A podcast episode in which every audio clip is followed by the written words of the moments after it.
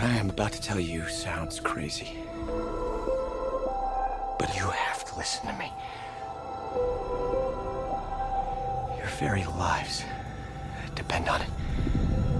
This is not the end.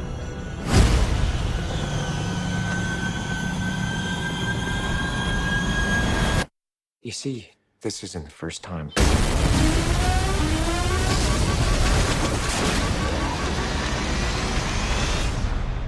That we've had this conversation.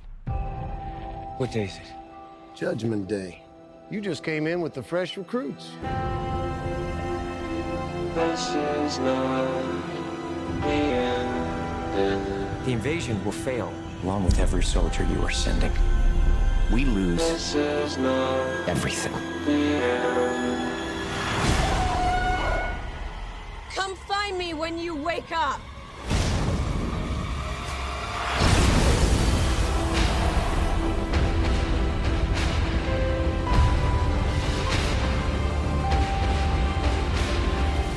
What's happening to me.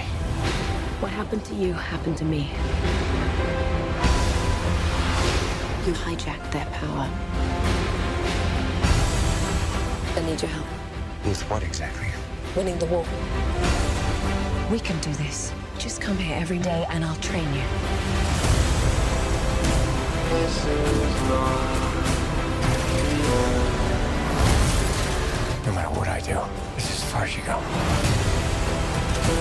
Why does it matter what happens to me?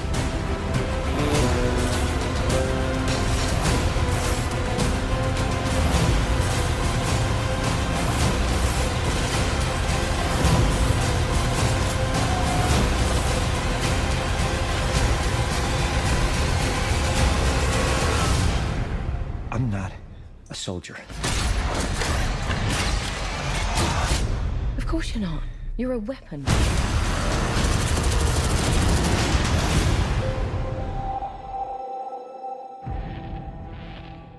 Widih, siapa bilang diberi kesempatan berkali-kali untuk memperbaiki kesalahan itu enak?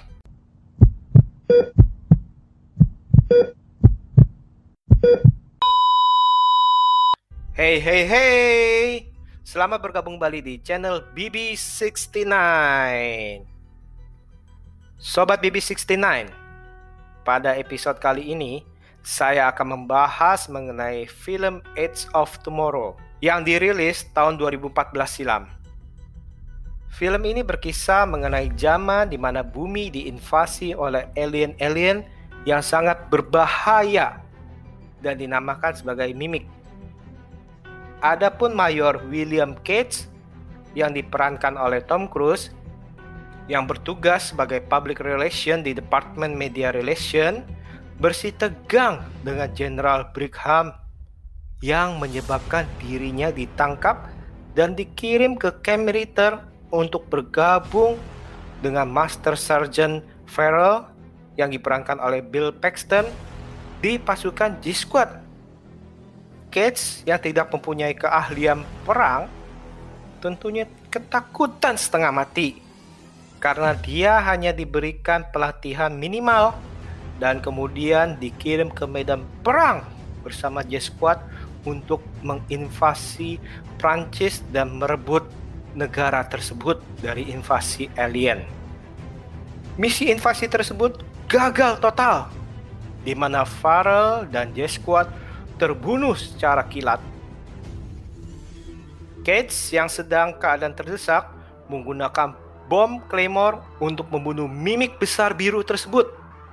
Namun, dirinya ikut tewas ketika darah sang alien mengenai tubuhnya dan menyerap ke dalam dirinya. Namun, hal tak terduga ternyata terjadi. Ia terbangun di hari sebelumnya, yakni di saat ia baru tiba di camp militer. Dan berkali-kali hal tersebut terjadi kepada dirinya, di mana ia hidup, kemudian perang, kemudian mati, kemudian hidup, dan kembali di hari sebelumnya. Tentunya hal ini membuat dirinya bertanya-tanya tentang apa yang sebenarnya terjadi. Sampai suatu saat ia bertemu di medan perang dengan sersan Rita Frataski yang diperankan oleh Emily Blunt yang menyadari bahwa Kate dapat mengulang waktu. Maka Rita memerintahkan Kate untuk mencari dirinya dikala Kate terbangun kembali. Di saat Kate mengalami kematian yang tentunya membawa ia kembali hidup, Kate dengan segera mencari Rita dan menjelaskan bahwa Rita lah yang menyuruh Kate mencari dirinya. Ternyata, Rita dahulu mempunyai kemampuan yang sama untuk mengulang waktu atau time loop. Namun, kemampuan itu ternyata sudah hilang sejak ia ditransfusi darah. Maka mulailah petualangan Kate bersama Rita untuk memecahkan misteri mengenai apa yang sedang terjadi dan tentunya mencari cara untuk mengalahkan para alien yang ternyata sulit sekali untuk dikalahkan. Karena para alien tersebut seolah-olah mengetahui segala langkah yang akan diambil oleh para manusia.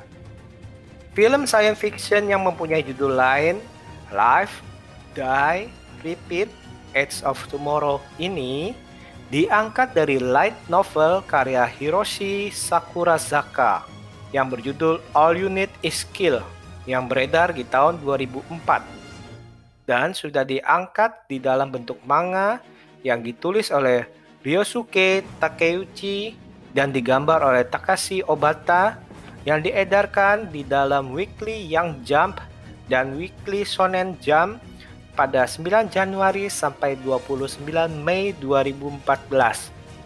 Sebagai informasi saja, Sakurazaka terinspirasi dari salah satu komentar pemain video games yang mengatakan bahwa pengulangan permainan setelah karakter di video gamesnya tewas membuat kita bisa melakukan uji coba trial and error sampai kita memenangkan games tersebut.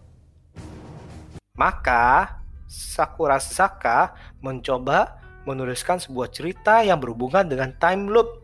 Nah, jadilah novel ini. Keren ya inspirasinya. Oke, oke, kembali ke versi filmnya.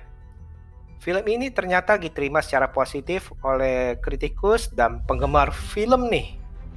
Bahkan pemerintah Jepang memberikan kepada Doug Liman, sang sutradara, penghargaan di Annual Japan Cool Content Contribution Award karena dia mempopulerkan media Jepang kepada penonton dunia. Wow, hebat bukan? Doc Liman sendiri bukanlah sutradara kemarin sore karena ia sudah mensutradarai berbagai film aksi bahkan komedi yang keren-keren Sebut saja Born Identity, Mr. and Mrs. Smith, American Made, Jumper, Swingers, Go, Fair Game, dan lainnya. Dan melihat dari jejak penyutradaraannya, kita kurang lebih dapat mengetahui sajian apa yang akan diberikan kepada kita sebagai penonton. Untuk film ini, para penulis naskahnya pun tidak main-main. Ada Christopher Piquari, yang menulis Way of the Gun, Jack Reacher, Valkyr, The Mummy, Mission Impossible Fallout, Top Gun Maverick, dan lainnya. Ada Jess Butterworth yang menulis Spectre, Black Mass, Ford v Ferrari, Fair Game, dan lainnya. Ada John Henry Butterworth yang menulis Ford v Ferrari, Get On Up, dan Fair Game. Dan tentunya sang penulis novel pun terlibat di dalam penulisan naskah, yakni Hiroshi Sakurasaka. Mungkin karena keempat pakar tersebutlah yang membuat film ini menjadi enak ditonton dan tidak membingungkan atau melelahkan. Karena jujur saja nih, tidak mudah menulis sebuah naskah mengenai time loop dan menjadi cerita yang tidak membosankan karena pengulangan-pengulangan yang terjadi. Pengulangan di film ini memang beberapa scene ada yang sama persis, namun itu hanya sesaat aja kok. Sehingga film ini memang berisi variasi dari langkah-langkah atau strategi yang diambil oleh sang karakter. Saya suka cerita di mana sang karakter mencoba menjalankan strategi yang dianggapnya benar dan pada akhirnya berani mencoba langkah lain yang berbeda sama sekali untuk mencapai sasarannya. Hal ini menggambarkan bahwa ia berani mencoba berpikir di out of the box yang mungkin sebelumnya bagi dia ini tidak dipikirkan atau mustahil. Sebenarnya film ini bukan hanya film aksi science fiction biasa saja, karena kita bisa melihat segi psikologis dari Cage yang mengalami kematian berulang-ulang dan terlebih dia melihat semua orang yang kenalnya mati berulang-ulang pula. Dan tentunya hal ini sedikit banyak mempengaruhi dan membuat dirinya menjadi lelah secara fisik maupun mental. Dan ternyata ini juga dialami oleh karakter Rita yang melihat orang disayanginya mati berulang-ulang tanpa ia bisa selamatkan dengan cara apa pun juga yang dia coba. Hal ini menyebabkan dirinya tidak mau mengenal orang lain lebih dekat lagi, apalagi melibatkan emosional. Dan memang kita tidak jelas sudah berapa kali Rita dan Kate mengalami hidup dan mati berulang. Namun, saya rasa udah ratusan kali karena kalau kita lihat dari kemampuan bertempur kedua tokoh tersebut sudah advance jadi bayangkan tuh, berapa kali mereka melihat orang-orang di sekitarnya mati juga. Nah, coba Anda bayangkan bila Anda harus melihat orang yang Anda kenal, bahkan yang Anda sayang harus mati berulang-ulang kali. Dan cara apa pun yang Anda lakukan tetap tidak bisa merubahnya. Bukankah time loop itu akan menjadi neraka bagi Anda? Belum lagi, setiap kali gagal, Kate sebaiknya mati daripada cacat. Kenapa? Karena bila ia mati, ia bisa langsung mengulang kembali hidupnya lagi. Sedangkan bila cacat, ia harus meneruskan kecatatannya. Memang lucu kalau kita melihat Cage ketakutan setiap kali Rita mau mengeksekusinya. Tapi kalau kita sendiri yang jadi Cage, itu apa nggak, nggak stres atau bahkan menjadi gila setiap kali harus ditembak.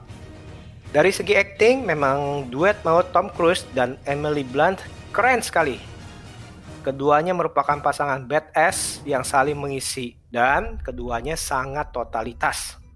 Dari segi aksi juga tidak perlu diragukan lagi. Kejaran, tembakan, dan ledakan demi ledakan menghiasi film ini yang membuat film ini semakin hidup. Nah, sobat BB69, jadi Film ini adalah salah satu film mengenai time loop yang saya rekomendasikan karena keren dan tidak bikin pusing. Sekali lagi, tidak bikin pusing. Baik sobat BB69, saya rasa sekian episode kali ini dan jangan lupa ikuti episode berikutnya dan tentunya dengan bahasan yang berbeda pula. See you